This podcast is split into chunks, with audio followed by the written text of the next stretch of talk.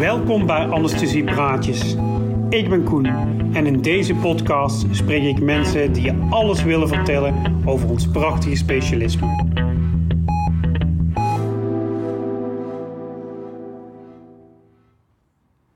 Hallo allemaal, leuk dat jullie weer luisteren naar Anesthesiepraatjes.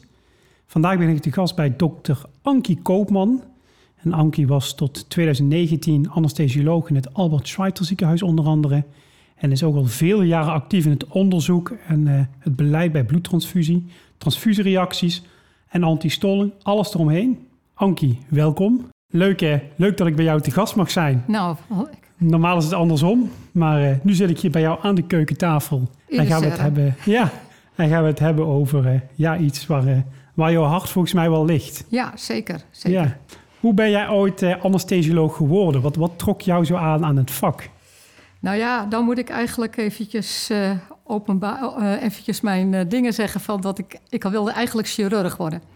En in die tijd was er nog maar één vrouwelijke chirurg in Nederland. En die zat in Nijmegen.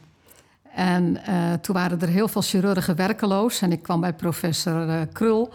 En die zei, nou, als jij dan klaar bent, krijg je nergens een baan. En toen dacht ik, nou, dan maar anesthesiologie. Dan sta ik toch op de operatiekamer. En zo ben ik erin gerold. Zo ben je erin gerold, ja. En je hebt natuurlijk heel wat jaren ervaring, kunnen we wel stellen. Zeker, zeker. Ehm, waar mochten wij jou eh, 's s'nachts in jouw functie voor wakker bellen? Wat, wat, wat vond jij nu het mooiste aan jouw vak altijd? Nou, dat vind ik erg moeilijk.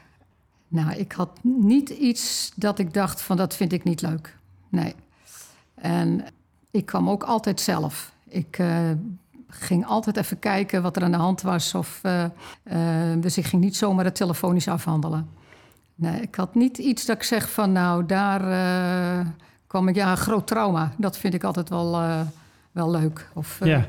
of even een lekkere bloeder. Ja, dus eigenlijk alles wat met, met bloed en transfusies Ja, ja, en dat, protocollen daaromheen te maken heeft, dat was wel jouw ding. Ja. Ja. Ja. want dan komen we natuurlijk ook meteen bij het stukje hè, bloedtransfusie, transfusiereacties. Ja, daar, daar, daar ben je heel erg in thuis.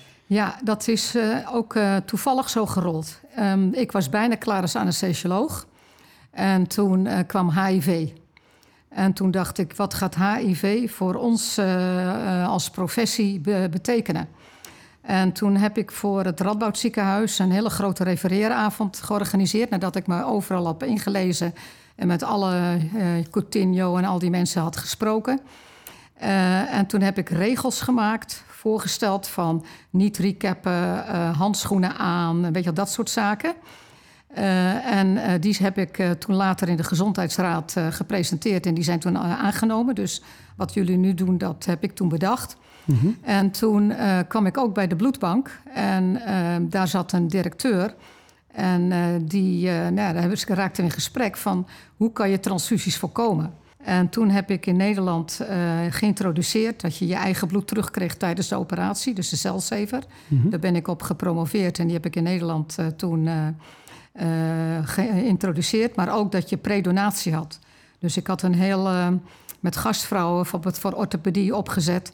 Dat ze dan van zo gauw ze wisten dat ze een nieuwe heup of knie kregen, dat ze naar de bloedbank kwamen en twee zakjes bloed afstonden. En eh, dat ze die tijdens de operatie hun eigen bloed weer terugkregen. Ja, precies. Ja, en eh, nou ja, nu verlies je natuurlijk zo weinig bloed bij die operaties, is het niet meer nodig. Maar ja, toen lagen ze nog tien dagen in het ziekenhuis. Hè? En anders dan bouwen we de celsaver op. Ja, ja, ja. Dus, En eh, dan, ja, dus zo is dat zo. gekomen. En toen ben ik ook een aantal jaren directeur van de bloedbank geweest. Had ik twee beroepen. En eh, toen, eh, dus was ik en eh, bloedbankdirecteur en anesthesioloog. En ik later werd TRIP, dus transfusiereacties in patiënten. Die, die stichting werd opgericht. En daar zat ik in de oprichtingsakte. ja, Dus daar ben ik vanaf het allereerste begin bij betrokken geweest en voorzitter ook geweest. ja, dus een hele staat van dienst, kunnen we wel zeggen. ja, ja. ja. Ik had jou gevraagd, Ankie, om een casus eh, mee te nemen die een beetje illustreert waar we het vandaag over gaan hebben. Ja, Zou je die eens kunnen voorleggen? ja, ik heb een patiënt van 70 jaar. Die was altijd gezond. En eh, die eh, heeft zes dagen geleden een rectumamputatie gekregen. En daar is een naadlekkage ontstaan. En die wordt beademd en eh, is in een slechte conditie. Het uitgangs-HB was eh, 6 millimol per liter, dus dat was al laag. En de dag na de operatie was hij 4,7. En uh, in verband met een uh, reoperatie hebben ze besloten toch één packet cel te geven. Uh, de verpleegkundige die heeft aan een andere verpleegkundige een sticker gegeven en gevraagd om die packet cel op te halen. Het is vorig jaar overigens gebeurd. En ehm, dus die is die sticker gaan ophalen en die heeft dat met de analisten gecontroleerd. En die verpleegkundige die die sticker had gegeven, heeft de uh, erytrocytenconcentraat aangehangen. En er kwam een acute hemolytische transfusiereactie. Uh, en dat bleek dus een AB0-verwisseling te zijn. En de, dus de eenheid was niet voor die patiënt uh, bestemd. En er was dus de verkeerde sticker meegegeven. Jeetje, ja. Wat eigenlijk inleidt, wat voor reacties kunnen gebeuren. Ja. Als je niet goed, eh, ja. en niet goed oplet Ja. of dat er fouten insluipen in het proces. Ja. Ja. Ja. Als we nu kijken naar, naar de hoeveelheid bloedtransfusies... wat per jaar ongeveer in Nederland worden gegeven... Ja. over wat voor een grootte hebben we het dan? Nou, er worden ongeveer uh, een half miljoen, dus 500.000 uh, eenheden worden er uh, uitgegeven en toegediend. En uh, ja, ik weet niet precies aan hoeveel patiënten, maar ik schat dat er bijvoorbeeld twee per patiënt, dus dat 250.000 patiënten zijn. Mhm. Het aantal erytrocyten is 390.000. En de trombocyten en de plasma zijn zo rond de 50.000. Ja, dus we hebben het toch over heel, eh, hele Ja. grote aantallen. Ja, ja. en daar zijn ehm, bijna 1300 meldingen geweest, dus 1279. Mhm. En daar waren 145 incidenten in 2021. 26 keer het verkeerde product. En eh 1152 ernstige, eh, of tenminste transfusiereacties, waarvan 119 ernstig. Dus eh, laat ik zeggen, het is een heel klein percentage wat eh, verkeerd gaat. Maar, Ja, eh, nou maar met grote gevolgen vaak. Maar met grote gevolgen. Ja, Ja, er zijn mensen die overlijden. Ja, dus nog belangrijker dat we dit opnemen...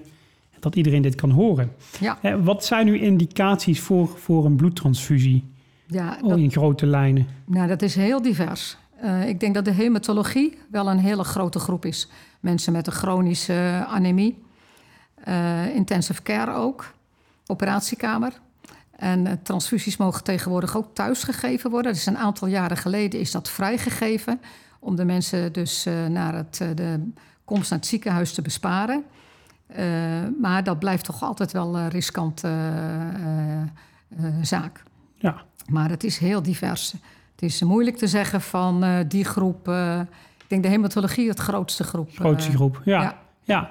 Maar ook wel interessant dat het dus nu ook thuis mag. Ja, Als je al ziet wat voor een regelgeving, gaan we daar nog over hebben, hè, in het ziekenhuis is en de processen waar Ja. moeten worden voldaan.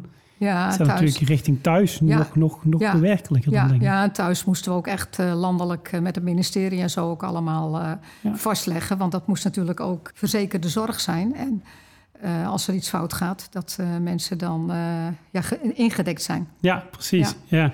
Als we dan gaan kijken naar de fysiologie, Ehm, ja, iedereen eh, die dit luistert weet wel waar het bloed bestaat.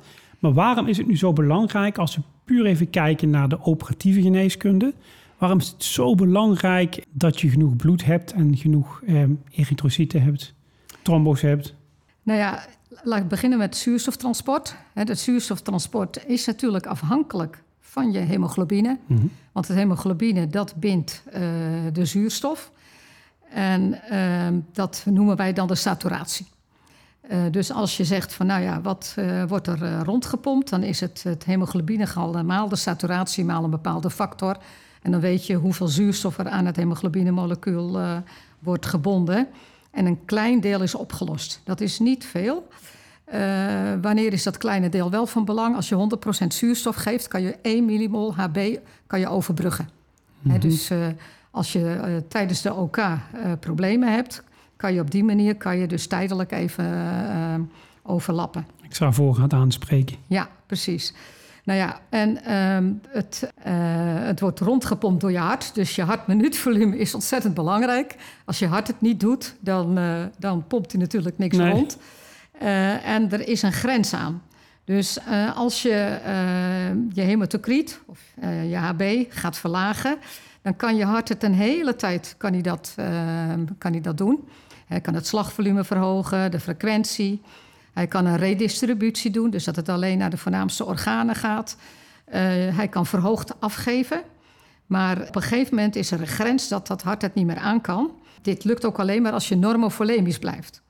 En uh, Lieberman en Weisskopf die hebben uh, de humane grens bepaald van wat wij nog kunnen verdragen. Mhm. En dat is 3,1 millimol per liter.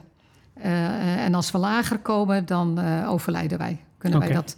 Er zijn wel gevallen beschreven hoor, van mensen die dat tijdelijk nog hebben kunnen verdragen. Maar uh, ja, dat, dat zijn de uitzonderingen. Mhm. Dus die, die bouwen echt een zuurstofschuld op. Ja. Dus die worden ontzettend zuur. Ja. Ja, dus van die kant moeten we zeg maar afzien te blijven. Daar moeten wij van afzien Ja. te blijven. Maar je ziet hoe kritisch het is. Hè? Ja, Als je dus 3,1 en je zegt de nieuwe norm is 4,3. Ja, dan zie je hoe weinig die marge eigenlijk is. Hè? je zit er snel aan Ja, bij een grote operatie met veel bloedverlies. ja, Of een groot trauma. ja. Ja, En wat interessant is, is dat er een man-vrouw verschil is. Er is nooit onderzoek naar gedaan met de trigger. Maar een man heeft een veel breder optimaal, eh, eh, of tenminste minder breed. Die is van 9 tot 10,5 millipol per liter, dus het optimale HB. Maar een vrouw van 7,45 tot 9. Dus die kan veel meer eh, kan die verdragen. Dat komt waarschijnlijk door de oestrogenen. Maar ook in de menopauze blijft die bestaan. Dus dat is wel heel interessant. Dat hij een breder kan opvangen. Ook het circulerend volume is verschillend. Een man heeft 70 tot 75 milliliter per liter. Eh, en een vrouw vijf, of per kilogram. En een vrouw 65 milligram per kilogram. Mhm. Dus die heeft minder. Dus als je het bloedverlies gaat bekijken... en je gaat geen rekening houden met man-vrouw... eh, dan eh, zal je zien dat als je postoperatief zou gaan meten... en dat is ook gedaan... dat eh, na een dag of vijf, zes... een vrouw een relatief hoger HB heeft gekregen dan de man Omdat ze dus hier geen rekening mee gehouden hebben. Ja, Dus als je het helemaal netjes wil doen, moet je dat ook eh, meenemen. Maar ja, dat is natuurlijk heel lastig. Kan je niet in een richtlijn eh, kan je dat doen. nee. Is dat En, man-vrouw verschil ook evolutionair misschien gekomen door het feit dat de vrouw natuurlijk ook gemaakt is om eh, een bevalling aan te kunnen, met daarbij dus ook bloedverlies, Ja, andere fysiologie bij de zwangerschap? ja nou, het is zelfs genetisch verschillend en per bloedgroep verschillend. Eh, ook wat betreft stollingsfactoren. Dus de bloedgroep 0 heeft behalve factor 5 de minste eh, stollingsfactoren. Mhm. En eh, de anderen hebben veel hogere stollingsfactoren. Oké, En ook qua overleving en dingen is er verschil tussen genetisch verschil. Dus bepaalde bloedgroepen hebben een, en bepaalde rassen, zou ik maar zeggen, hebben een hogere overleving. Aan de andere kant is eh, met eh, vooral de Afrikaanse volkeren heb je natuurlijk ook veel meer eh eh, erytrocytenziektes. Mhm. Hè, thalassemie en, en dat soort zaken. En die de Europeanen eigenlijk niet van nature hebben. Dus daar zit ook weer een verschil. Ja, en dat is eigenlijk wat je net al zei. Het is natuurlijk heel moeilijk met al die verschillende Ja. factoren om dat in een richtlijn te gaan vatten. Ja, ja dat hebben we niet gedaan. Ja, dan word je Nee. overspoeld door Ja. waar je allemaal rekening mee moet houden. Ja, Ja, hebben we niet gedaan. Nee. nee. Oké. Hey, en als we dan zegt gaan kijken naar de soorten transfusies die je kunt geven. Hè? Je vertelde net al, het, het, is belangrijk om inderdaad eh, ja, je zuurstofcapaciteit eigenlijk in je bloed hoog genoeg te houden. Hè? Dus daar zijn de erytrocyten voor. En we weten natuurlijk, nou ja, stolling is belangrijk, daar horen ook de trombocyten bij. Zitten daar nog verschillen in die soorten transfusies wat je dan kunt geven? Nou, eigenlijk een erytrocytentransfusie, daar geef je geen plasma bij. Er Mhm. zit maar heel weinig plasma nog bij. Eh, de trombocyten zitten wel plasma bij. En eh, het plasma, dat is eh, natuurlijk tegenwoordig is dat de frozen plasma, de, hè, de SD-plasma, de omniplasma. En dat is maar 200 milliliter. Dus mensen die nog in de oude gedachten zitten, d- dus de oude fresh frozen plasma was 250, bijna 300 milliliter. Dus dat is een verschil. Dus je moet ook anders redeneren. Mhm. ja, dus qua volumina verschilt het. Ja, En hoe wordt nu zo'n zo'n zo'n ehm trombocytentransfusie, hoe wordt er nu eigenlijk gewonnen? Ja, iemand staat bloed af. die staat bloed af. Eh, wij hebben in Nederland eh leukocyten gedepleerd eh, bloed. Dus het donorbloed wordt eerst gefiltreerd. Dus Mhm. er gaat een heel groot deel van de leukocyten uit. Dat, was dus, dat geeft ook namelijk veel minder transfusiereacties. En dan wordt het gecentrifugeerd en wordt het gesplitst. En eh erytrocyten, dan een tussenlaagje trombocyten en dan plasma. En eh, die trombocyten worden in een klein zakje gewonnen. En dat kleine zakje wordt ook weer afgedraaid. Mhm. En daaruit eh, maken ze dus die... dus halen ze die kleine beetje eries eh, halen ze eruit uit het plasma. En dan, maken ze trombocytenconcentraten. En dan voegen ze er vijf eenheden bij elkaar. Dus dan vijf, maar dat wordt pas vlak voor uitgifte gedaan. Bij de trombocyten uh, wordt het plasma er uh, zoveel mogelijk uitgehaald... en wordt een bewaarvloeistof toegevoegd en dat is een pas E. En er is pas geleden uh, Fabienne van Hout is gepromoveerd daarop. En dan hebben ze gezien dat met die pas toevoegingen... de trombocyten minder functie hebben. Mm -hmm. Van pas E weten we nog niet, want daar is nog geen onderzoek mee gedaan. Nee. Met de oude pas-toevoegingen uh, had je wel minder transfusiereacties, maar uh, de stolling was net iets minder. Oké, okay. en pas staat voor? Ja. Uh, is het een afkorting? Ja, dat is een afkorting van een bewaarvloeistof. Okay. Ja. ja. Ja, een hele ingewikkelde naam. Nee, nee. ja. Jij vertelde net al hè, bij het fysiologie-stukje dat verschillende bloedgroepen ook verschillende aantal stollingsfactoren zo hebben. Misschien voor de luisteraars ook even eh, bloedgroepen. Ja, wat is dat nu ook weer precies? Ja, we kennen meer dan 200 bloedgroepen. Maar de AB0 en de races bloedgroepen zijn eigenlijk de belangrijkste. En die worden uh, bepaald door uh, met test sera uh, te kijken of iets klontert of niet. Dus als iemand een bloedgroep A heeft en je doet een anti-A erbij, dan klontert het en dan weet je dat hij bloedgroep A heeft. Maar hij kan ook een AB hebben. Mm-hmm. Want AB heeft allebei. En een 0 klontert niet, want die heeft geen A en geen B. En die antigenen zitten op de membraan van de erytrocyt. Wat wij bepalen is eigenlijk de AB0 en de uh, rhesisfactor D. Maar bij vrouwen onder de 45 jaar uh, bepaal je ook altijd de, de C en de E. Dus uh, de kleine C of grote C, de grote E en de kel omdat okay. gebleken is dat uh, daar uh, ook uh, tijdens de zwangerschap, vooral bijvoorbeeld een kel, die kan ook net als een rhesus kan die een antagonisme geven. Mm -hmm. Dus vrouwen onder de 45 jaar, als die bloed krijgen, dan moeten ze kleine C, grote E, grote K compatibel bloed krijgen. Dus niet alleen de D compatibel. Alle andere die kunnen, dan doe je AB0 rhesus compatibel. Mm -hmm. En compatibel wil zeggen dat iemand heeft een bloedgroep A, die heeft anti-B in zijn bloed. En een B heeft een anti-A en een 0 heeft een anti-A, anti-B. Dus dan kan je zelf al bekijken wie, wat bij wie past. Ja. Dus een 0 kan je geen AB geven. Die moet je 0 compatibel geven. Ja. Maar uh, een uh, AB, ja, dat is een universele uh, ontvanger. Kan je alles geven. En een 0 wordt dan een universele donor. Die kan aan iedereen gegeven worden. Precies. Dus dat is wel dingen. Nou, en dan moet je de antistoffen bij een patiënt controleren. En dat doe je met screeningspanels. Ja, ze noemen dat een type and screen. En je hebt drie verschillende panels. En daar zitten bijna alle antigenen op. En dan kan je kijken of iemand in zijn plasma, in zijn, hè, dat is het plasma of het serum van de patiënt, of daar antistoffen in zitten. Uh, nu is interessant dat als je ooit een antistof hebt gemaakt, bijvoorbeeld tegen kel, die kan je na je zwangerschap verliezen. Dus voordat ze dan uh, echt een packet cel bijvoorbeeld zoeken bij die bij die uh, donor of bij die patiënt past, dan kijken ze in Trix. En Trix is een website die gemaakt is waar alle antistoffen van, die ooit gedetecteerd zijn, genoteerd worden. Okay. Dus de, de medewerker van het lab kijkt altijd of die patiënt in Trix terug te vinden is. En dan kan hij soms zien of hij ergens een verborgen antistof heeft die nu niet meer aantoonbaar is. Mm -hmm. Maar ja, het is een geheugencel. Dus zo gauw hij dan die antistof weer krijgt, dan, of die, die dat antigeen, dan gaat ja, hij natuurlijk wordt hij geactiveerd. Meteen, wordt hij geactiveerd. Ja. Uh, er is ook een regel dat het testserum nooit ouder mag zijn dan 72 uur. Dus het monster van de patiënt. Ook omdat tijdens het bewaren er verval is en afbraak is. Mm -hmm.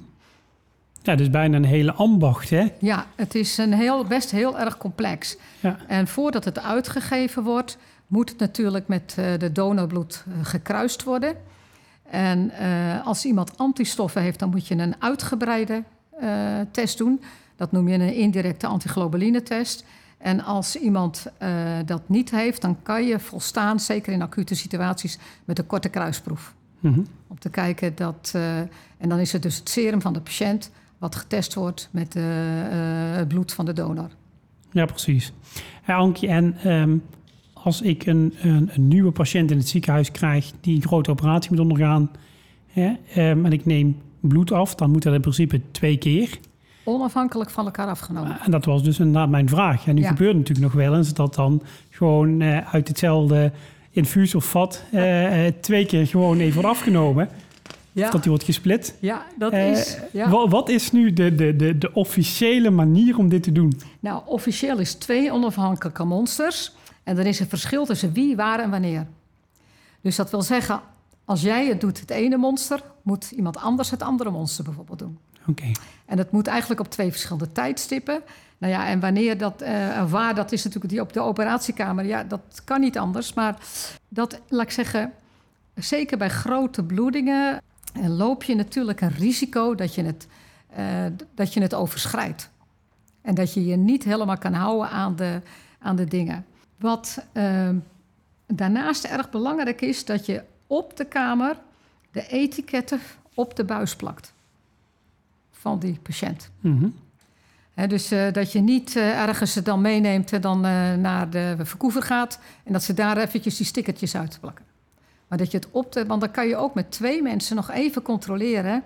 Dan kijk je in je computer, is het die patiënt... of op het polsbandje als je daarbij kan.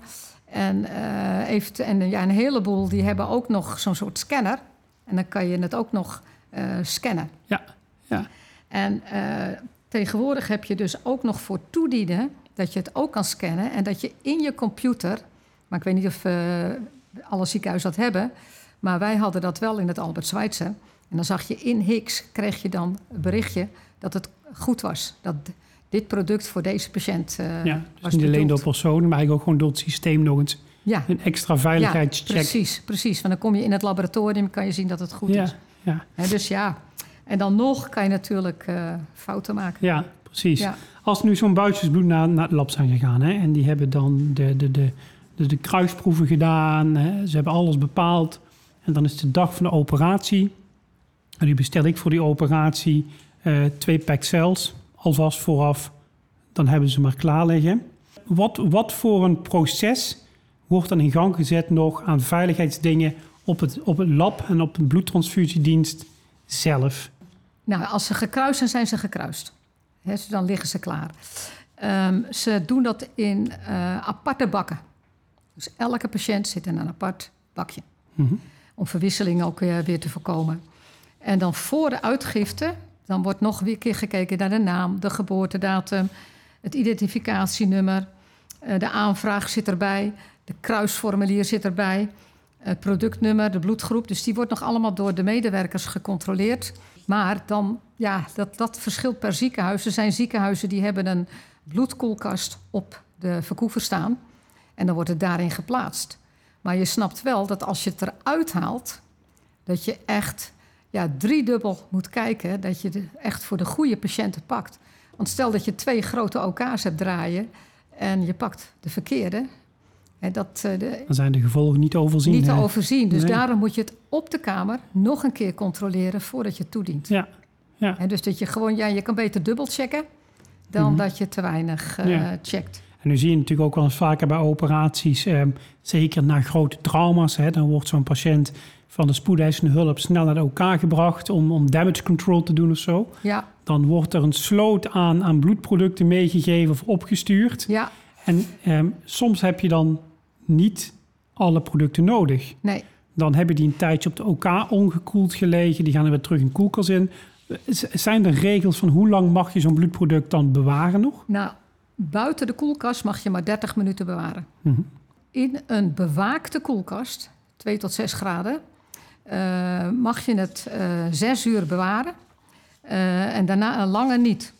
Maar je moet het wel melden dat je, het, dat je dat gedaan hebt en teruggeven. En die producten die worden apart, worden die in het laboratorium een aparte kast gehouden. Want het mag maar drie keer per product gebeuren. Oké, Dus als dat, eh, en dan gooien ze het weg. ja. Dus er zit wel een hele scherpe houdbaarheid aan vast. Ja, zeker, zeker. Ja, Ja, oké. ja, Goed. ja. Als ik nu die bloedproducten krijg en ik ga die geven, ehm, dan is er nog wel eens wat discussie ehm, over hoe snel je zo'n bloedproduct moet geven, of je het mag verwarmen of niet, of je medicatie of hetzelfde infuus mag geven.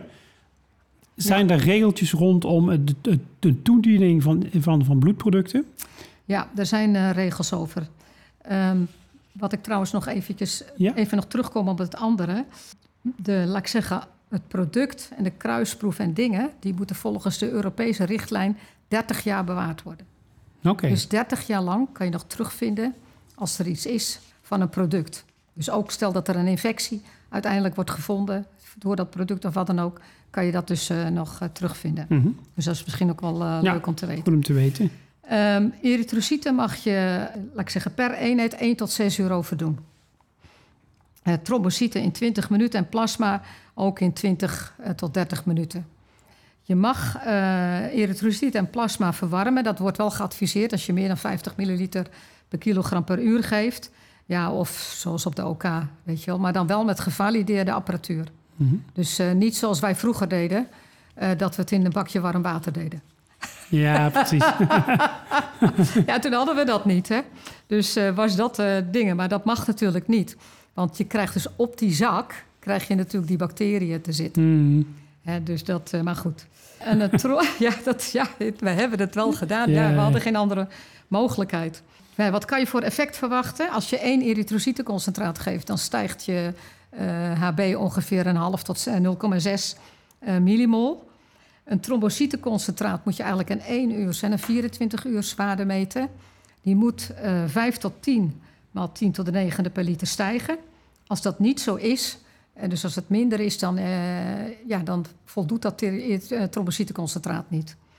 En plasma is maar 7% in stollingsfactoren gaat het omhoog. Dus dat wil zeggen, als je denkt, ik geef mijn plasma met fibrinogeen dan geef je nog geen 300 milligram fibrinogeen. Oh ja. Ja. He, dus als je, eh, ik heb het een keer, eh, ja, er is een bepaalde formule voor, maar ik heb het uitgerekend. Als je 2 gram fibrinogeen wil geven om het te verhogen, dus 2 gram wil verhogen, moet je 7 zakken plasma geven. Ja, bizar. Ja. Dat is bizar, hè? Dus, ja. dus, het is goed om te realiseren. Ja, en die plasma die moet je wel controleren met PT, APTT en het fibrinogeen. Mm. Maar je moet je dus niet indenken dat je daar heel veel voor geeft. Dus als je echt wil goed, dan kan je ook een vier stollingsfactoren concentraat er nog bij Precies, geven. kun je beter wat los... En, uh, en losse fibrinogeen. Ja. Ja. ja. Nou, de medicatie, dat is natuurlijk een hele discussie. En zeker op een OK. Formeel mag het niet door dezelfde uh, lijn. Maar bij een du dubbel of een triple mag het wel via een andere lijn. Uh, via een als, andere poort bedoel je ja, eigenlijk via een andere ja. poort. Ja, precies. Als je nou geen andere keuze hebt en je moet het onderbreken dan moet je de lijnen verspoelen met NaCl. Maar je mag hem niet loskoppelen. Want elke loskoppeling kan weer bacteriële infectie uh, geven. Uh, maar uh, ook, het staat ook zelfs in de richtlijn dat iedereen snapt dat op een OK of dingen dat er soms geen andere mogelijkheid is dan door hetzelfde lumen geven. Mm -hmm. Maar nou ja, dan moet je wel heel goed letten op dat het niet gaat klonteren en dat je doorspoelt met NaCl. Precies. En uh, na elke transfusie uh, moet je formeel een schone lijn aanhangen. Oké. Okay. Ja, en je hebt natuurlijk dat filter, hè? dus je hebt voor uh, bloed te geven speciale lijnen ja, met zeker. een filter erin. Ja. Maar eigenlijk moet je als iemand, dan moet er een schone infuus. Mm -hmm. en is het, een, is, het, is het strikt dat je moet spoelen met NaCl? Ja, ja. ja, want als er maar calcium in zit ergens, dan stolt het omdat natuurlijk citraat uh, in citraat. Ja. ja. dat hebben we straks niet besproken, maar het wordt natuurlijk afgenomen met uh, citraat om te zorgen dat het bij de donor niet stolt. Ja, dus even knijpen in je zak ringerlactaat om het, uh, ja. om het lijntje door te spoelen. Dat is dus niet aan te bevelen. Nee, nee. nee. nee. Oké. Okay. Als we dan um, gaan kijken naar, um, we hebben net de indicaties gehad voor, uh, voor transfusies. Ik denk dat de focus van deze aflevering vooral is hè, de niet acuut bloedende patiënten. Dus eigenlijk de patiënt die ook wordt opgewerkt richting een operatie. En de patiënt die een acute bloeding heeft of zelfs in een verbloedingsshock zit. Als we dan eerst gaan kijken naar die patiënt die gewoon bij ons de poli komt. Die krijgt een grote operatie, een reguliere operatie. En je prikt bloed op de, op de preoperatieve screeningspolie. En je ziet dat hij anemisch is. Ja, nou, wat ik denk wat heel belangrijk is, um, is te achter, proberen te achterhalen waarom hij een anemie heeft. Mm -hmm. Dat je altijd kijkt van wat is er aan de hand met die patiënt en waarom heeft hij het. Uh, en um, nou ja, het ijzergebrek is natuurlijk het meest voorkomende. Dus dan bepaal, uh, bepaal je een ijzersaturatie en een ferritine. Uh, en als je genoeg tijd hebt, dan kan je ijzersuppletie doen binnen 7 tot 10 dagen. Maar er zijn zelfs gewoon mensen die het de dag van tevoren geven. En dan nog blijkt het effectief. Dus bijvoorbeeld bij cardiochirurgie uh, is er een groot onderzoek gedaan dat als ze de dag van tevoren gaven, dat het toch nog effectief bleek uh, te zijn. Mm -hmm. Je moet wel kijken of die patiënt um, geen um, malabsorptie of inflammatoire darmziektes heeft. Want als je dan oraal ijzer geeft, wordt het niet, opgenomen. opgenomen. Want de hepsidin die uh, blokkeert dan de ijzeropname. Dus mm -hmm. dan moet je het intraveneus geven. En er is een hele discussie of, uh, laat ik zeggen, bij bepaalde oncologische darmen, de, darmtumoren, uh, dus die zijn, sommige zijn ijzerafhankelijk. En er is een discussie, mag je dan intraveneus ijzer geven? Of ga je juist stimuleren dat die tumor groeit en dat de metastases eventueel groeien? Okay. En daar um, komen ze, zijn we niet helemaal uitgekomen. Er is uh, niet duidelijk, laat ik zeggen, in de literatuur tot nu toe, van dat je het niet mag geven. Uh, dus je moet per patiënt overwegen, vind je dat je dat wel kan doen of niet kan doen. Mm -hmm.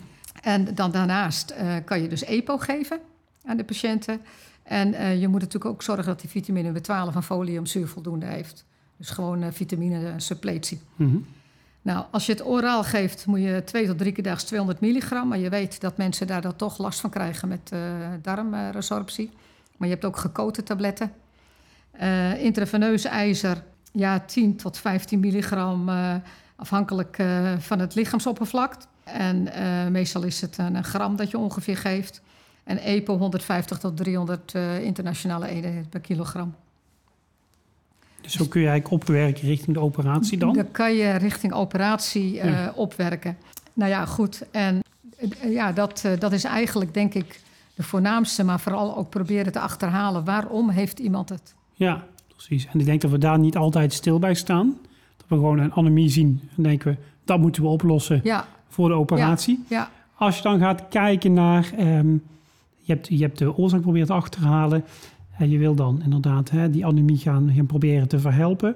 Vroeger hadden we natuurlijk altijd de 4-5-6-regel. Hè, om een beetje te kijken van god, wat, wat zijn streefwaardes van HB, preoperatief, maar ook zeker intraoperatief.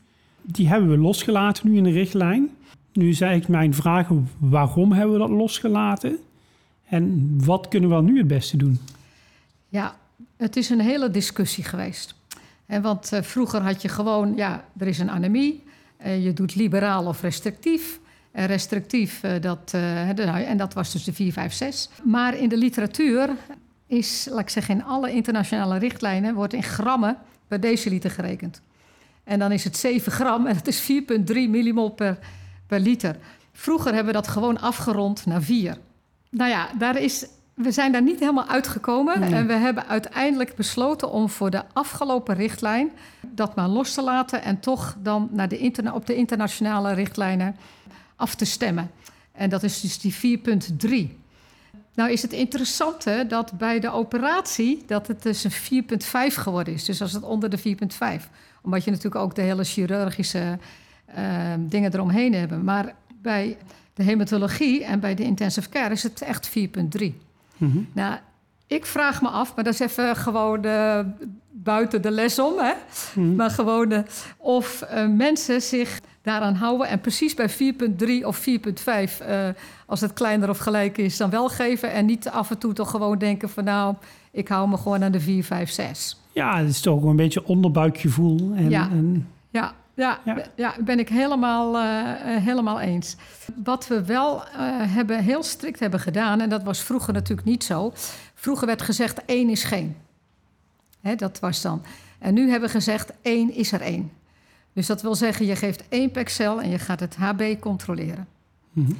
Als je, nou ja, dan hebben we het wat verruimd naar um, als je dus beperkte cardiopulmonale compensatie hebt, of je bent ouder dan 65 jaar dan kan je als trigger vijf overwegen. Bijvoorbeeld bij iemand die een lage bloeddruk heeft of een verhoogde hartslag. He, dus dat je dat, het acuut coronair syndroom, daar houden we ze wel boven de vijf. En uh, bij een cerebraal trauma ook boven de vijf met streef naar zes. Hmm. Millimol per liter dan, hè. wat we de uh, daarnaast ook hebben gezien, is dat uh, bijvoorbeeld bij de IC, waar je dus dan die lage trigger hebt, dan gaan ze naar de afdeling. En dan op de afdeling staat een artsassistent en die denkt: Oh, hé, hey, lage B, hup. Ja, ik ga het optransfunderen. Ik ga het optransfunderen. Dus we hebben specifiek in de richtlijn gezet dat je bij overplaatsing naar de afdeling, dat de intensivist met degene die ontvangt overlegt en uh, de trigger afstemt. Nu is het natuurlijk wel zo dat op de IC ligt hij in bed en op de afdeling gaat hij bewegen. Dus het kan best zijn dat dan bepaalde symptomen, zoals uh, tachycardie of vermoeidheid of dat soort dingen, mm. naar voren komen van de anemie, dat je toch wat moet geven. Maar het moet niet zo zijn dat je meteen denkt: oké, okay, ik moet dat geven. Weet je? Dus je moet dat goed met elkaar afstemmen, dat je dat beleid doorzet. Ja, dus we zijn eigenlijk meer naar een restrictief beleid gegaan. Ja, zeker. Maar als je dan kijkt naar de literatuur, eh, waarom is liberaal beleid dan, eh, waarom, waarom wordt dat dan losgelaten? Wat, wat zijn dan de nadelige gevolgen als je wel gaat optransfunderen? Nou ja, elke packet cell die uh, geeft wat verhoging van de mortaliteit, is gebleken. Mm -hmm. Maar aan de andere kant, uh, als je, ehm, en ook van de morbiditeit, maar als je anemisch bent, dan is dat ook zo dus dat is, ja, we hebben dat niet helemaal, kun je dat precies doen. Maar nou ja, er is in ieder geval gebleken, ook uit grote cardiochirurgische studies en dingen, uh, dat een restrictief beleid niet nadelig hoeft te zijn voor de patiënt. Mm dus dat je uh, best wel zuinig kan zijn met, uh, met bloed. Maar je moet het wel iedere keer overwegen en iedere keer kijken van wat is voor deze patiënt, dus veel meer individueel, geschikt. Oké. Dat is denk je uh, wel duidelijk. Dus het is meer um, dat restrictief geen kwaad kan. Ja. En dat elke keer dat je een bloedproduct geeft, er weer een verhoogd risico is dat er complicaties komen. En dus ook dat de mortaliteit ja. verhoogd raakt. Ja. Dat we zeggen, nou laten we dan zo restrictief mogelijk zijn. En eigenlijk gewoon zuinig zijn ja. met de bloedproducten. Ja, ja. ja. precies. En ook wat ik straks zei van dat overplaatsen, dat geldt natuurlijk ook van de verkoever naar een afdeling. Hè? Ja. Dat je dan ook, ja, ook met die artsassistent of degene die het gaat overnemen, even goed afstemt waarom je nog niks gegeven hebt. Ja, goed zo. Dus communicatie is hierin ook echt wel een kernwaarde. Ja, ja. Oké. Ja. Dat is eigenlijk dan de niet acuut bloedende patiënt. Hè? Hier heb je de tijd om te gaan fine-tunen, een beetje een grens te gaan zoeken en een optimum. Maar we kennen natuurlijk allemaal binnen de anesthesie ook wel de patiënt die eh, een ongeluk heeft gehad, een trauma, in een shock zit, eh, nog altijd actief bloed. Ja, dat is natuurlijk een hele andere tak van sport. Ja, ja. kijk, het, het grappige is dat je, ehm, als je zegt van we hebben dat in, dat, uh, in die richtlijn ook onderscheiden. Je hebt dus verschillende vormen van anemie en dingen. dus bij de acute heb je een matig en het grote bloedverlies. Dat zijn twee verschillende entiteiten. 90% is matig en maar 10% is het grote. En dan heb je natuurlijk de semi-acute anemieën met infectie, oncologie, chemo. Of uh, een chronische nierinsufficiëntie, mm de reuma, weet je wel, die dingen. Uh, maar ook een iatrogeen. Denk bijvoorbeeld aan een dialyse of aan bloedafnames. Ja. wij doen het op de IC niet, maar eigenlijk zou je, net als bij de kindjes, een microafname moeten doen. Mm -hmm. Want als je ziet hoeveel milliliter bloed er wordt afgenomen soms, en dat heb je op de OK natuurlijk ook. Uh, nou, ga er maar eens rekenen uh, voordat die patiënt dat weer aangemaakt heeft. Hè? Ja. Dus dat zijn ook wel even dingen die je gewoon misschien in gedachten moet houden. Precies. Maar nu zeg je dus een matig en groot bloedverlies. Het meeste, het meest vaak is het een matig bloedverlies. Ja. Maar heb, heb je daar getallen van? Waar moet ik dan aan denken bij matig bloedverlies? Dan, over, dan bij matig bloedverlies, dat heette vroeger gecontroleerd... dan overheerst de hemodilutie en het verlies van hemoglobine en wat stollingsfactoren. Mhm. Mm -hmm. Maar je kan het dus um, bijbenen. bij een ongecontroleerd bloedverlies, dus echt zoals je bij trauma's hebt, dan heb je hypoperfusie, maar dan krijg je ook de hele inflammatoire respons. Zoals je het bij een sepsis en zo ook ziet. Dat Mhm. krijg je dus ook bij daarbij.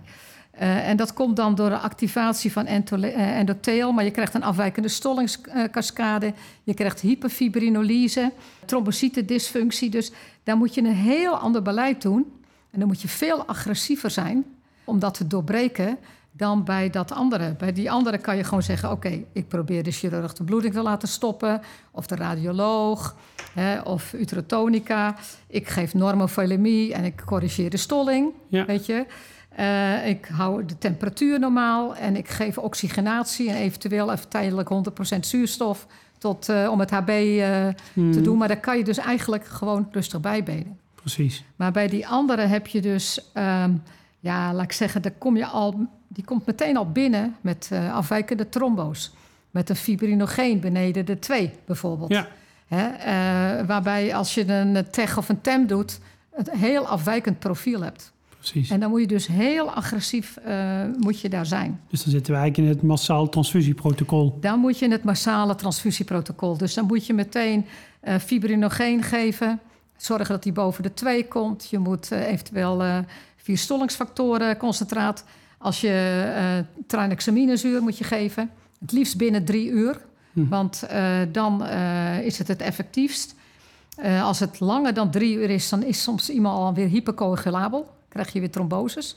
Maar goed, je, je- het- we hebben gezegd, toch maar geven.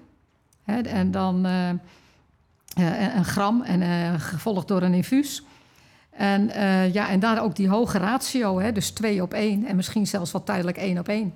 Ja. Totdat je weer helemaal bent. En dan trombo's op indicatie. Dus ja, daar blijft het oude ding staan. Boven de 50 houden. En beneden de 100 meteen bestellen. Ja. Dus als je iemand binnenkrijgt beneden de 100, bestel dat trombocytenconcentraat maar. Ja. ja Want voordat je het hebt, is hij al beneden de Is die 50. beneden, ja, Weet je wel. Zo, eh, eh, zo gaat dat. En bij eh, cerebraal trauma moet je de trombo zelfs boven de 100 houden en het HB boven de 6.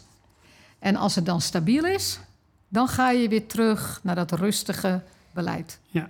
Weet je, dat je het. maar op dat moment, ja, dit, dit zijn natuurlijk. Ja, het is maar eh 10% van wat je binnenkrijgt. Ja. Maar eh, nou ja, goed, dat zijn wel de dingen waar je het, eh, ja, waar je het hardst eh, mee bezig bent. Hè? Precies. Ja. Ja. En dus eigenlijk naast het transfusie- transfusieprotocol... ga je Ja. natuurlijk ook kijken naar de oorzaak. Jij probeert de temperatuur op, op, peil te houden. Niet een acidotische patiënt te, Ja. maken. Ja, precies. Ja, kijk, je hebt drie profielen. Hebben, dat is een andere manier van kijken. Je hebt een profiel waarbij de stollingstoornissen over, overheersen. Eh, dat is vaak bij een penetrerend letsel. Eh, maar je hebt eh, dat andere wat ik net zei, waar je multi-orgaanfalen, shock, weet je, dus dat dat inflammatoire. En je hebt ook nog een profiel waarbij je alleen maar factor 7 en 8 depletie hebt. En daar weet niemand bij die, wat dan de relatie met de outcome is. Nou, Dus die hebben een gunstige outcome. Mhm. Maar dat, dat is, dus zo'n profiel heb je ook nog. en dan heb je een vicieuze cirkel, inderdaad wat je zei. Als iemand een acidose heeft met een pH boven de 7,1... eh, dan zijn de stollings, dat doet de stolling het bijna 50% minder goed. Dus dat is natuurlijk enorm. En als de B-succes eh, heel eh, hoog is, ook idem. Dus ja, dat, dat is, dus je moet zorgen dat iemand niet acidotisch is. Je moet zorgen dat hij ook geen, niet gaat koud wordt, afkoelen. Want elke graad afkoelen geeft 20% minder stolling. Want die stolling zo. is temperatuurafhankelijk. Ja. Hè, dus, eh, en dan ja, dus een soort vicieuze cirkel. hè. Acidose, temperatuursdaling, coagulopathie. Ja, ja. ja. die little triad, zoals dat eh, ook Ja, noemen. precies, de little triad. Ja, Ja. ja. Mhm. ja.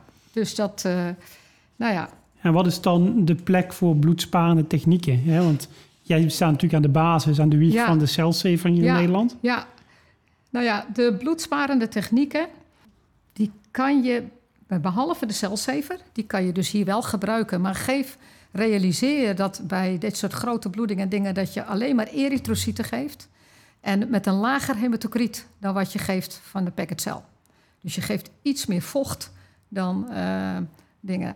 Dat is trouwens met dat vocht, moet je ook even realiseren. Er is een onderzoek geweest, dat is toevallig wel bij eh obstetrie, maar dat geldt denk ik ook wel voor iedereen. Dat hoe meer bloed je verliest, hoe meer je geneigd bent om je infuus omhoog te zetten. Ja. En dus eigenlijk verdun je hem. Snap je? Ja. En dan blijkt dus bijvoorbeeld dat iemand eh, ja, iets 7 of 8 liter gekregen heeft, terwijl hij maar 4 liter bloed verloren is. Ja, precies. Ja, ja. Snap je? Dus je moet je, dat, dat doe je in je onbewustzijn, hup omhoog. Ja. Maar dat, dan verdun je hem eigenlijk. eh, dus je Mhm. moet toch ook daarbij nadenken dat je niet te veel geeft. Ja, wat is, wat, wat is dan jouw mening hè, bij een actief bloedende patiënt? Zou jij dan eerst starten met, ehm, met, gewone, met gewoon vocht? Met de gedachte, ja, ik, ik, ik geef hier vocht hè, of, of bloed en het loopt er aan de andere kant weer uit. Dus laat ik die bloedproducten in de laderstadium gebruiken. Of zeg jij ook al, ook al verliest die patiënt die bloedproducten weer vanuit zijn verwondingen. We gaan toch gewoon vanaf het begin meteen bloedproducten geven. Ja, dat is heel, heel lastig. Als je ziet dat die chirurg het niet kan bijbenen, dan denk ik dat je het beste vroeg kan beginnen. Mhm. Om te zorgen, en dan kan je het later altijd eh, terugdraaien of eh, stoppen. Eh, want verdunnen, dan stolt hij natuurlijk ook eh, minder. Wat wel belangrijk is, is dat je gewoon ook je andere labs, zoals bijvoorbeeld het calcium en zo, eh, eh, suppleert. Want als je te laag calcium hebt, kan je ook niet stollen. Nee. Dus dat, eh, dat. Maar goed, als je ziet dat die chirurg het wel bijbeent, dan kan je natuurlijk wat selectiever zijn. Dan kan je zeggen: Oké, ik meet even een HB, ik meet een TEG of een TEM en dan kan ik daarop varen. Maar realiseer je dat je altijd achterloopt. Hè? Ja. Voordat je je waardes hebt, ja, dan kan het alweer een half uur verder zijn. Dus het kan best zijn dat je beter dan in ieder geval kan zorgen dat iemand kan stollen en eh, zijn erytrocyten eh, op peil heeft even. En dat je het dan later bijstuurt als je dus de waardes hebt. Precies, ja. Dus jij zegt eigenlijk in principe vroeg beginnen met bloedproducten. Ik denk bij, echt bij grote eh, dingen dat, je dat, eh, dat het helemaal niet zo gek is om dat eh, Hmm. te doen. En die celzeven natuurlijk, ja, die kan je natuurlijk zo altijd inzetten. Ja. Ja. Duidelijk. Ehm, bloedbesparend had je het over, hè? ja, Ja. Nou ja, tranexaminezuur, dat wordt natuurlijk door heel, in heel veel indicaties wordt het gebruikt. Hè? Dus net bij die hypofibrinolyse. Maar ook bij tractus digestivus bloedingen wordt het gebruikt. Eh, bij ehm eh, hematurie kan je het soms gebruiken. Maar bijvoorbeeld bij eh, een TUR, prostaat, niet. Want dan stolt iemand in de blaas, krijgt die stolsels in de blaas. Maar tranexaminezuur is wel bij leverchirurgie en levertransplantaties en zo... is dat wel een heel belangrijk iets. En ja, tegenwoordig wordt het ook heel vaak bij heup- en knieoperaties Mhm. standaard gegeven. Ik denk dat je wel heel goed aan de dosering moet houden. 10 tot 15 milligram per kilogram. Want eh, ik heb gezien dat eh, eh, soms mensen veel te hoge doses krijgen. En dan realiseren mensen zich niet dat iemand maar 50 kilo is of zo. En dan wordt er hup zo die 1500 milligram ingestopt. Dus ik denk dat je je wat dat betreft altijd even gewoon moet kijken van hoeveel geef ik en misschien even moet eh, uitrekenen. dus dat gebied eigenlijk ook liberaal. Dat Of gebeurt- restrictief, sorry. Ja. Ja, ja, ja. Dus, dat, eh, dus dat, dat zou ik zeker doen. Ja. Nou ja, en dan eh EPO-ijzer hebben we het over gehad. Je hebt ook bloedbesparende technieken. Hè? Dus dan, behalve de celzever heb je ook nog de normofolemische hemodilutie. Die wordt niet heel veel gebruikt, maar ik heb bijvoorbeeld bij Jehovah's getuigen... die dat accepteerden dat het met het lichaam verbonden bleef, heb ik het gebruikt. Mhm. En dat ik het in zakken afnam en dat het aan het lichaam bleef hangen... en dat ik het dan later weer teruggaf. Dus eh, daar kon je dus grote operaties mee overbruggen. Nou, predonatie wordt ook bijna nooit meer gedaan. Maar als iemand nauwelijks bloed he- kan vinden, weet je, bijvoorbeeld met hele zeldzame antistoffen, dan wordt het zelfs ingevroren. Oh ja. Ja, dus dan heb je, je hebt een eh, wereldbank, waarbij dus eh, bloed is van ja, hele zeldzame bloedgroepen eh, die eh, sommige mensen nodig hebben, maar waar je ook je eigen bloed kan laten invriezen voor het geval dat. Eh, maar ja, goed, dan duurt het wel weer voor het ontdooid is. Ja. Dus dat kan bij electieve dingen wel, maar niet bij acute. Wat ook is, is stel dat je moeilijk bloed voor iemand kan vinden. Bij grote bloeding kan je beginnen met de packetcel die niet helemaal compatibel is. Want dat verdunt. Dus tegen de tijd dat je dan het compatibele bloed hebt, dan eh, is laat ik zeggen, het grootste deel van dat incompatibele bloed is er alweer uitgelopen. Oh ja. Dus op die manier kan je dan soms eh, zo'n moeilijke situatie overbruggen. Maar je bedoelt dan met niet com- compatibel bloed, Nou. een ongekruiste? Nee, of of, of nee, ik- zelfs echt een... een, nou ja, stel dat iemand antistoffen heeft tegen een hele bijzondere eh, antigeen. Mhm. En het lab heeft daar één tot twee uur voor nodig om dat te kruisen. En dat te vinden of te laten komen uit de, eh, uit Amsterdam of wat dan ook. Eh, dan kan je natuurlijk even... Oh, ja, je hebt op dat moment wel packet cells nodig. Dus dan geef je die packet cells, waar dat antigeen in zit, geef je dan. Uh, en dan wacht je met het goede bloed tot op het einde. Oh. En dan krijgt iemand wel een beetje hemolyse, maar een heel groot deel is er weer uitgespoeld doordat hij nog bloed verloor. En dan krijgt hij dus veel geringere mate van hemolyse. Interessant, ja. Ja, dus dat is even een trucje wat je kan gebruiken. Ja. Voor moeilijke situaties. Maar wel een trucje wat ook consequenties kan hebben. Wat ook consequenties ja. kan hebben, maar wat je dan dus kan doseren. Hmm. He, dus als je dat in het begin geeft en iemand verliest daarna nog twee liter bloed, is het grootste deel van die antigeen ook uitgespoeld. Ja, oké. Okay. Dus dat je op die manier denkt. Ja, perfect. Ja. Goed. Laten we de overstap maken naar, naar het laatste stukje. Namelijk, eh, je hebt bloedproducten gegeven en er treedt een transfusiereactie op. Hoe merk ik nu aan een patiënt die onder narcose is, op de operatiekamer, dat ik misschien tegen een transfusiereactie aan ben aan het kijken? Ja, dat is heel lastig als je op de operatiekamer onder narcose. Uh, een acute uh, hemolytische transfusiereactie zie je wel meteen als hij blaaskatheter in heeft. Krijgt hij uh, donkere urine. Mm -hmm. Dus dat, dat zie je. Ja. Uh, stel dat hij geen uh, blaaskatheter heeft en uh, je neemt bloed af en dat wordt op het lab gecentrifugeerd, dan zien ze in het plasma dat het, de kleur niet goed is. Want daar zitten natuurlijk uh, vrij HB in. Mm -hmm. Dus dat is ook uh, waardoor je erop. Maar het, je kan het dus missen. Ja. Dat, dat is inderdaad zo. nou, dan kan het nog zijn dat iemand allergisch reageert. Dus nou ja, dat is vooral een anafylaxie. Dat zie je natuurlijk ook meteen aan je bloeddruk en, je, ja. hè, en aan je polsfrequentie. En, uh, en als het een astma-reactie is, dan zie je het aan je uh, beademingsdrukken. Nou, koorts. Maar dan moet je de temperatuur meten tijdens ja. de OK. Nu is het volgens mij wel verplicht bij registratie van toediening van bloedproducten... dat je de temperatuur nou ja, monitort. Daar hebben we het straks niet over gehad. Maar als, het dus, uh, als je het netjes doet, dan meet je de bloeddruk, je meet de uh, polsfrequentie, de temperatuur uh, en uh, je, het welbevinden van de patiënt als hij wakker is. Dus hoe die patiënt zich voelt. Um, en als hij benauwd wordt of dingen, dan stop je meteen. Je mag eigenlijk als je begint, maar 20 milliliter kan je, mag je in het begin geven om te kijken hoe die patiënt erop reageert. En je moet 10 minuten bij die patiënt blijven. Omdat het een acute hemolytische transfusiereactie ja, ja, dat gebeurt in de eerste uh, meteen eigenlijk. Hè? Dus dat ja. is uh, heel snel. Als dat uh, een. oh ja, dat wat we bij de beoordeling van de reacties die gemeld worden, heel vaak zien, is dat er geen vochtbalans is gegeven. Dus bijvoorbeeld um, als iemand een TACO heeft, transfusie, een circulaire overload, hè, dus, dan is dat ja, dan, laat ik zeggen, dan, dan zie je dus een witte long.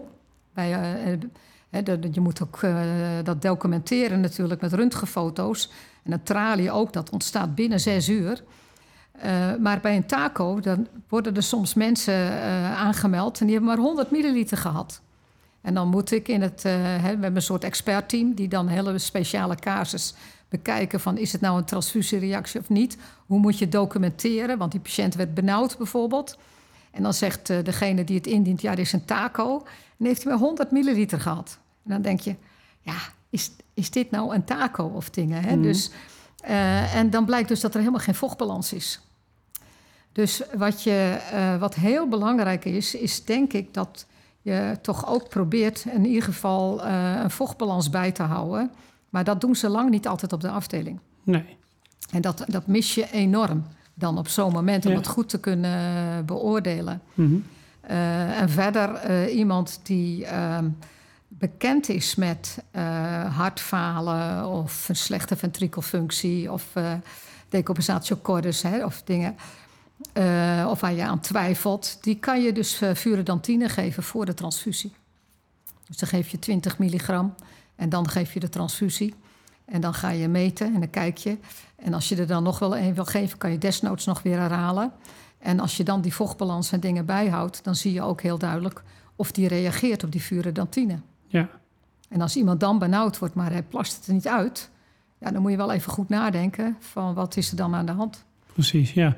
Ja, nu noemde jij net taco en trali. Ik denk Ja. dat dat ehm, de meest belangrijke transfusiereacties, nou, de meest bekende zijn. Ja, de meest bekende misschien. Ja, ja. Kijk, de Maar belang... waar, waar, waar staat dat voor? Even Eh, luisteraars. Ja, TACO staat voor Transfusion Associated Cardiac Overload.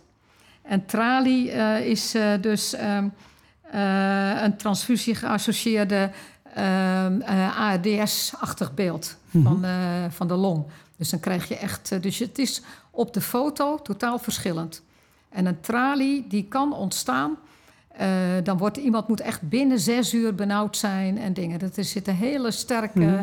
en eh, scherpe eh, criteria. Zijn Oh, dat is de pathofysiologie dan bij een tralie? Dat iemand benauwd wordt. Ja. En, Nee, maar de pathofysiologie, dus, dus, dus hoe ontstaat een tralie dan? ja, dat is nog niet eens helemaal zeker. Het is een soort immunologische reactie van de long op de transfusie. En ze Oké. weten niet precies zeker.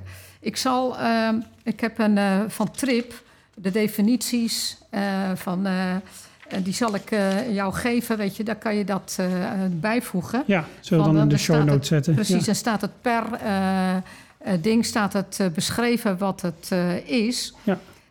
Want ja, zo'n centralie is echt fijnvlekkig, maar ze, ja, nou ja, het enige wat ze kunnen zeggen, immuungerelateerd, maar heel precies, ja, een soort ARDS. Waarom krijg je een ARDS? Hmm. Weet je, zoiets moet je je voorstellen Ja. dat het eh, is. En die andere ontstaat echt door volumeoverbelasting. Mhm. Maar je hebt ook mensen die worden alleen maar benauwd zonder dat je afwijkingen verder vindt. Ja. En dat noem je dan, eh, ja, laat ik zeggen, dyspneu zonder verdere afwijkingen. Nou, wat het meeste voorkomt is wel koorts, niet hemolytisch en eh, allergisch soms. Eh, je hebt ook een uitgestelde hemolytische reactie, dus dat pas de volgende dag duidelijk wordt. Dat zijn niet AB0, maar dat zijn dus de andere eh, reacties. Eh, en dan heb je natuurlijk bijna ongevallen, hè? dus verkeerd product.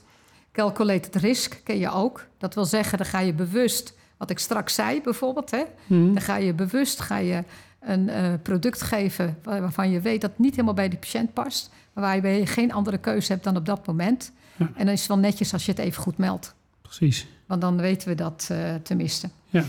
En heb je natuurlijk ook nog de infectieuze complicaties. Die, Ja, nou ja, die zijn dus heel erg zeldzaam. Ehm, in 2021 eh, is er één gemeld met een bacterie. Hm. Eh, HIV of virale dingen, dat, ja, dat is al jaren niet meer aan de orde. Maar je hebt ook nog een look-back. Dus van elk trombocytenconcentraat, eh die wordt een bacteriële kweek ingezet. En eh, daar kan dus soms bij zijn dat er dan toch een bacterie wordt gevonden. Mhm. Eh, en dan wordt het gemeld aan de ziekenhuizen waar dat product naartoe gegaan is. En dan kijken ze terug naar die patiënt. om te kijken van is die geïnfecteerd. En ook op andere manieren kan het soms zijn dat ze dus toevallig een geïnfecteerd product ontdekken. Of doordat de donor later positief is geworden. Dus niet bij de eerste keer, maar pas op een, eh, eh, een, een ander eh, afnamemoment. En daar zijn er dan in 2021 vijf van beschreven. Waarvan vier keer met een HBV. en eentje met een trepone- treponema pallidum. En het is allemaal goed afgelopen. Maar dan worden die patiënten wel opgespoord. Oké, ja. Ja, en dan heb je ook nog de patiënten die IgA negatief zijn. Eh, en die kunnen dus op plasma allergisch reageren. Ja. En die worden dan op die manier eh, worden die, eh, gevonden. Ja, en soms kan het niet anders. Soms heb je mensen die altijd allergisch op een transfusie reageren. En dan moet je preventief antihistaminica geven. Omdat je geen andere keuze hebt. Nee. En wij hebben voor de taco, hebben wij, omdat het een heel, dat is het meest lastige complicatie, hebben wij dus eh, zakkaartjes gemaakt voor de verpleging. Eh, ten eerste om, eh, en voor de artsassistenten en zo, voor de artsen om de risicopatiënten eruit te halen, waarvoor je preventief furidantine moet geven.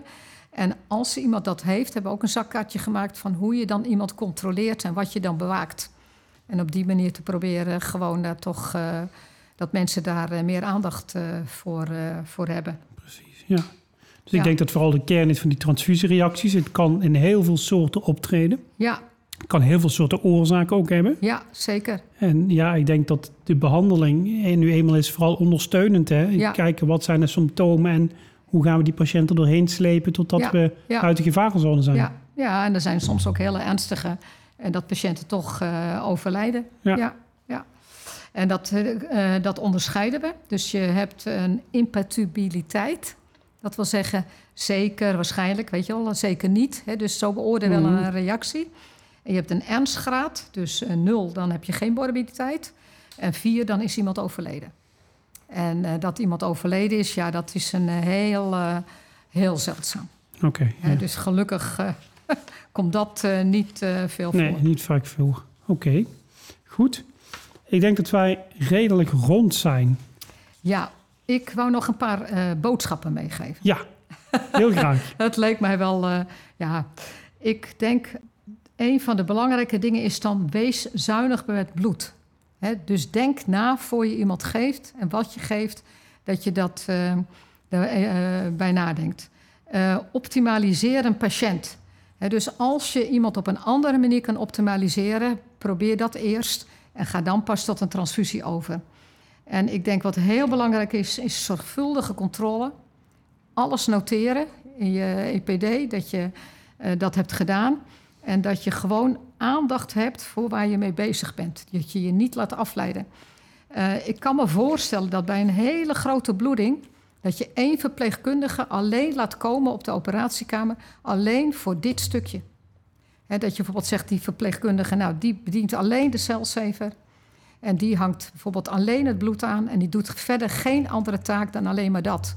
Zodat je je met de andere verpleegkundigen kan bezighouden verder met de andere zaken. Hè? Dus Ja. dat je dat soort veiligheid inbouwt. Ja. Ik denk dat dat wel eh, nou ja, lessen zijn die je misschien mee kan nemen. Heel mooi. Goed. Ankie, ik wil jou eh, bedanken voor jouw verhaal. Voor dit interessante onderwerp. Graag gedaan. Ja, en ik wil de luisteraars bedanken ja, dat jullie allemaal hebben geluisterd. En tot een eh, volgende keer.